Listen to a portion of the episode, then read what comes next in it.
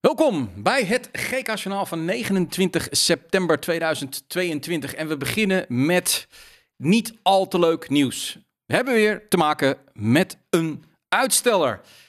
Dat is eigenlijk altijd niet leuk. Vaak zijn er ook wel goede redenen voor.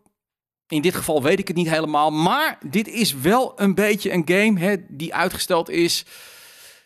Ik begin er nu een beetje lacherig over te worden. En we hebben het over Skull and Bones van Ubisoft. De game is namelijk voor de 491ste keer uitgesteld. Hij stond gepland voor november. Eén dag voordat God of War Ragnarok uit zou komen. Dus dat was eigenlijk al suicide.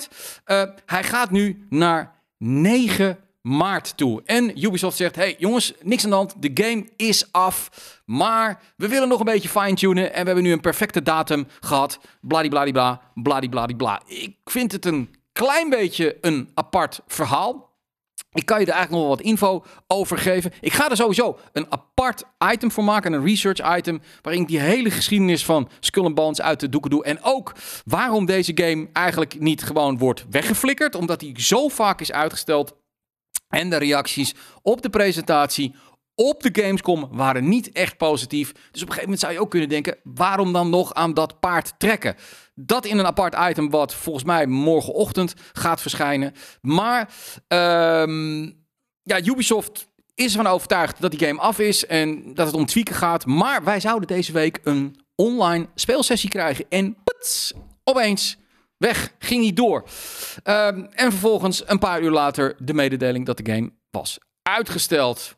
Ik weet het niet, man. Het is allemaal een beetje vaag. Er komt weliswaar nu weer een open beta aan uh, naartoe. Dat hebben ze aangekondigd in dezelfde tweet waarin ze het hadden uh, over het uitstel. Maar wanneer die open beta dan is, dat weet ik ook niet.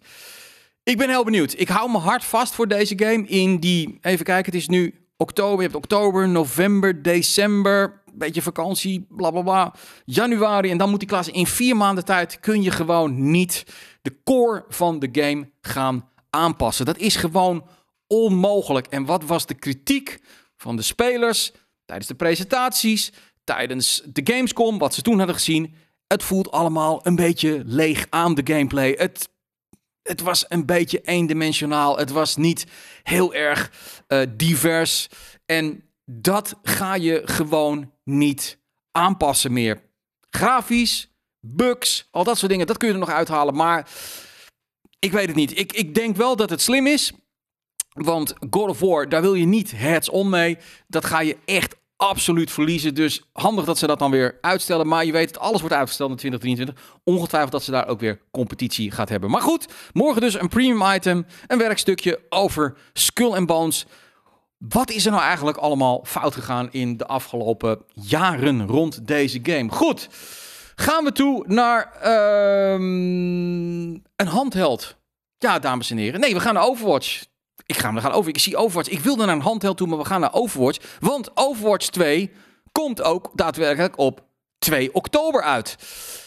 Free to play, dat weten we allemaal. Dus uh, wij gaan er ook zeker mee aan de slag. We gaan er absoluut een review van maken. Maar het loopt niet helemaal lekker als het gaat om de marketing en om de PR. De communicatie is niet tof en er worden dingen door Blizzard geïmplementeerd in de game die heel veel fans van Overwatch niet leuk vinden. Ten eerste, het oude Overwatch is op 2 oktober voetsie. Is weg. Klaar. Kan je niet meer spelen. Uit, over, weg. Dat is echt iets vrij drastisch. Ik zelf vind dat eigenlijk niet kunnen. Um, deze game gaat anders zijn. Het gaat free-to-play zijn. Er zit wat andere dynamiek in. Er komen andere type gamers in natuurlijk. Uh, free-to-play trekt ander volk aan. Uh, die oude game heeft gewoon zijn fans. Fans die tot aan de dag van vandaag die game nog gewoon regelmatig veel spelen. En in één keer kan dat niet meer. Wie weet zeggen die fans wel, ik vind die Overwatch 2 geen leuke game. De dynamiek is anders. Mijn vrienden zitten er niet meer in. Ik wil gewoon de oude Overwatch nog kunnen spelen. Dat ze dat op een gegeven moment over twee, drie jaar als Overwatch 2 heel goed blijkt te zijn. De servers daar vol zitten. Gamers massaal daar naartoe migreren. Dat ze dan op een gegeven moment zeggen: Oké, we gaan die servers dichtgooien. Dat doet elke multiplayer game. Maar nu al meteen gewoon Overwatch dichtgooien. Dat voelt als Jij moet Overwatch 2 en jij moet daar microtransactions gaan kopen. Want dat is natuurlijk wat er gebeurt. Dan hebben we ook nog eens een keer. Stel nou, jij hebt Overwatch al een jaar, 4, 5, 6 jaar gespeeld. Je hebt al die helden, heb je al helemaal unlocked. Daar heb je tijd, moeite, zweet, alles hebben erin gestopt. Mag je gewoon helemaal weer overnieuw beginnen. Het is dezelfde game. Dat zeggen ze ook van, ja, Overwatch 1 kan stoppen, want over, het is naadloos Overwatch 2 en daar zit ook al, daar zit ook oude maps in, dus ja, dat heb je helemaal niet nodig. Waarom laat je je helden dan? Waarom moet je dat weer opnieuw gaan grinden? Is maar één reden voor. En dat is gewoon dat ze willen dat je gaat grinden en dat je denkt van ik heb helemaal geen zin om te grinden. Ik koop die shit gewoon maar. Ook niet zo netjes. Dan is er dan ook nog het gegeven dat je voortaan je telefoonnummer moet gaan invoeren als je Overwatch straks op Battle.net wil gaan spelen. En het is een online game, die wil je natuurlijk online spelen. Je moet dus je telefoonnummer gaan opgeven en dat hebben ze als een security check. Het is niet de eerste game die dit doet. Er zijn wel meer games die dit doen. Vragen naar je telefoongegevens. Maar je ziet nu altijd een heleboel mensen dit eigenlijk niet heel erg leuk vinden. Ik bedoel, een e-mailadres, oké. Land van herkomst, oké. Adres, dat wordt al een beetje iffy. En een telefoonnummer is natuurlijk ook best wel privé. Want je weet, die shit wordt gewoon af en toe nog steeds bij uh, publishers gehackt. En dan ligt jouw telefoongegevens op straat. Zit je gewoon niet op te wachten. Waarom doen ze het? Vind ik een redelijk plausibel verhaal. Ehm, ze willen cheaten voorkomen. En je mag maar één telefoonnummer invoeren. Je mag dus niet daarna nog een telefoonnummer in, invoeren. Ze hebben ook allerlei. Uh, ja, Verizon heeft bijvoorbeeld een soort van. Uh, prepaid, whatever, al dat soort dingen. Dus Bokens telefoons kan je allemaal niet invoeren. Het is eenmalig.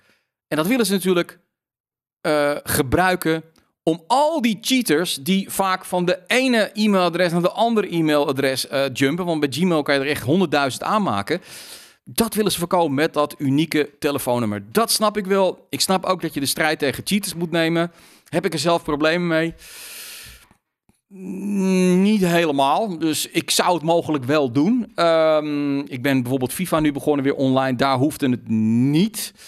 Maar ik snap wel dat er ook heel veel fans zijn die dit wel onhandig vinden. Dus ook daar, Overwatch ligt niet helemaal in de, lek, in de wedstrijd, terwijl die game nog niet eens uit is gekomen. Maar 2 oktober ligt hij dus gratis overal bij PlayStation, PC en uh, de Xbox kun je hem gewoon gaan downloaden en kun je gaan spelen. Gaan wij ook doen. Uh, ja, dan ga ik dus even naar de handheld toe. we hebben natuurlijk al de Logitech G Cloud gehad. Daar komt deze week een item over uh, in Berlijn. Koos en Yui, die daar de handheld hebben uitgeprobeerd en daar hun uitgebreide mening over gaan geven. Uh, dat is een handheld die gebaseerd is op cloud gaming. Dus niet fysieke game, games kopen, je streamt het. Uh, en dat gaat allemaal via wifi. Bam, er is er nog één. Riser en Verizon, die gaan nu samen eenzelfde soort handheld maken, maar dan gebaseerd op 5G. Eh, en wifi, maar ook 5G. Nou, dat maakt het al iets interessanter, want klein beetje vooruitlopend op het item over de Logitech G. Het is wifi en wifi in de trein, wifi in het vliegtuig, wifi op straat is vaak niet betrouwbaar. En dat heb je wel nodig, want anders ga je lek krijgen. En dus kun je er alleen maar thuis mee spelen. En waarom zou je een handheld hebben waar je alleen maar thuis mee kunt spelen, omdat het cloud-based is? Goed, dat, dat is even vooruitlopend.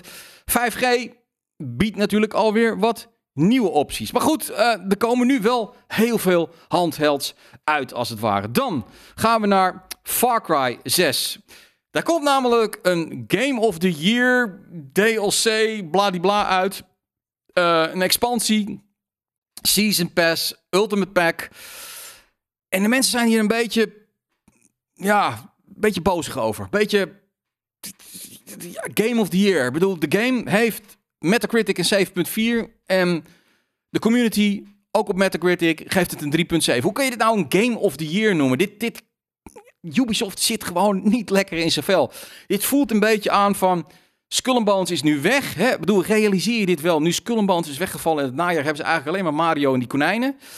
Dat is bizar voor een publisher die altijd een Assassin's en een Far Cry en een Mario en de konijnen had. Uh, en nu hebben ze alleen maar die konijnen. Dat is fucking weinig. Dus ze zijn aan het zoeken van hoe kunnen we toch nog wat cashflow krijgen. En dan krijg je een Game of the Year edition. En het lekt ook weer, weet je wel, dat soort dingen. Dat is ook typisch Ubisoft. Ehm ja, het, is, het is bizar. Het is echt bizar. En ik snap dat wel dat mensen iets hebben van... hoe kun je dit nou een Game of the Year noemen... als het niet een Game of the Year is. Het is niet eens een contender. Ik zit even na te denken... zou die in mijn top 10 kunnen komen? Nou, zou nog kunnen, kunnen gebeuren... maar dat heeft dan nog meer te maken met mijn smaak... en het feit dat ik dit jaar wat minder heb gegamed... dat ik gewoon heel veel andere dingen... huis gekocht... Um, en ik ben veel met het zakelijke aspect binnen. Dus wie weet. Maar ik, voor mensen die veel hebben gegamed, al die andere presentatoren, denk ik gewoon dat hij zeker niet in de top 10 gaat komen. Dus dan is het ook gewoon geen Game of the Year edition. Uh, dat is even vaag. Nog even terugkomen trouwens op die, uh, die handheld. Uh, ik zou ook even wat specs geven. Um, even kijken. Een Qualcomm Snapdragon G3 Gen 1. Hier zie je trouwens even wat beeld. Uh, het zegt mij niks, maar ongetwijfeld dat de hardware-kenner denkt van... fuck, dat is snel. Um, the handheld will give you access to games you love... whether they are downloaded to play locally... streamed from your console or accessed directly from the, the cloud. Dus je kunt hem ook downloaden. Dat is ook heel fijn. Uh, 15 oktober wordt hij gereleased. Of die ook naar Nederland gaat komen, weet ik niet. Tot nu toe weten we ook van Logitech niet, van de G... of die naar Europa überhaupt gaat komen. Want in principe is het voorlopig nog alleen even Noord-Amerika. Uh, maar ja, uh, het wordt wel een hele drukke markt op dit moment. Dan eindigen we met een nieuwe game van EA. En uh, ja, nou goed, laten we gewoon alvast even kijken naar de trailer. Ehm, het, de game heet Wild uh, Hearts. En uh, ja, wat is het eigenlijk? Is het, ze, bracht het al als een soort nieuwe Monster Hunter game. En feitelijk ben je dan gewoon een warrior die monsters jaagt. En dan zou je denken van, ja, wat heeft EA nou met Monster Hunter? Want zij maken nooit Monster Hunter games. Dat klopt, maar Monster Hunter is een gigantische hit, met name in Azië. Daar wordt er ontzettend veel van verkocht. En ook in Europa en Amerika is het een meer dan niche game. Money wordt goed verkocht. En wat goed verkocht wordt, dat vindt EA leuk. Dat vindt trouwens iedereen leuk. Dus ik stap dat wel. Ze hebben dus een samenwerking gezocht met Koei. Uh, ik vind dat een hele leuke naam om uit te spreken, Koei. Uh, ik hoop dat ik het goed uitspreek. Maar um, Wild Hearts heet het. Het speelt zich af, volgens mij, in Japan. Je bent een samurai-achtige warrior. Het lijkt wel alsof er heel veel games nu gaan uitkomen... waarin je een samurai-achtige warrior speelt. En je gaat monsters jagen. En um, we gaan zo de trailer laten zien. Hij wordt redelijk positief ontvangen. Of eigenlijk kan ik wel zeggen, best wel positief. Dat is ook eens keer leuk voor EA dat ze dat meemaken. Dat ze een trailer uitgeven die positief is. Maar het is wel echt een gamey game. Volgens mij geen live service game. Microtransactions zie ik hier nog niet. Het is gewoon een ouderwetse Monster Hunter-achtige game. En daarmee wil ik afsluiten. Volgende week hebben we natuurlijk gewoon weer een nieuwe editie van het GK Journaal. En ik wil even verwijzen naar aanstaande vrijdag. En dat is eigenlijk natuurlijk al morgen. Dan hebben we einde van de week met een speciale gast. Namelijk good old Pascal, je weet wel... Voormalig GameKings presentator. En eigenlijk ben je, als je eenmaal presentator bent geweest, ben je altijd GameKings. Uh, hij komt even langs omdat hij het leuk vindt, omdat er een skategame is uitgekomen en omdat hij een film heeft gemaakt over skateboarding. En die, uh, daar gaat hij over praten. Dus check morgen allemaal einde van de week live rond een uur of twee. En dan eindigen we nu met de trailer van Wild Hearts.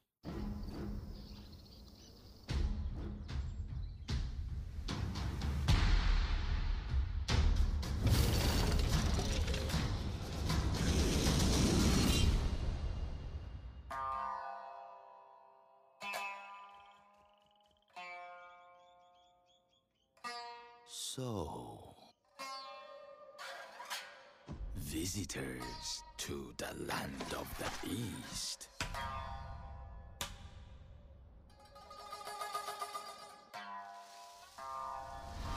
You do realize Ozma is fraught with danger.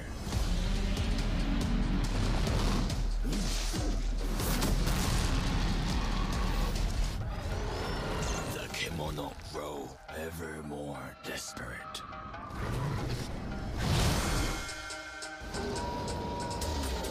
They battle for territory. They clash for prey. But in you, in you, is the power to stop this.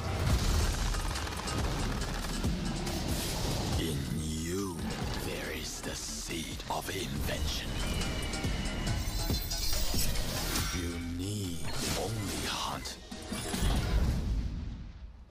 Trust that in so doing, the seed will soon grow.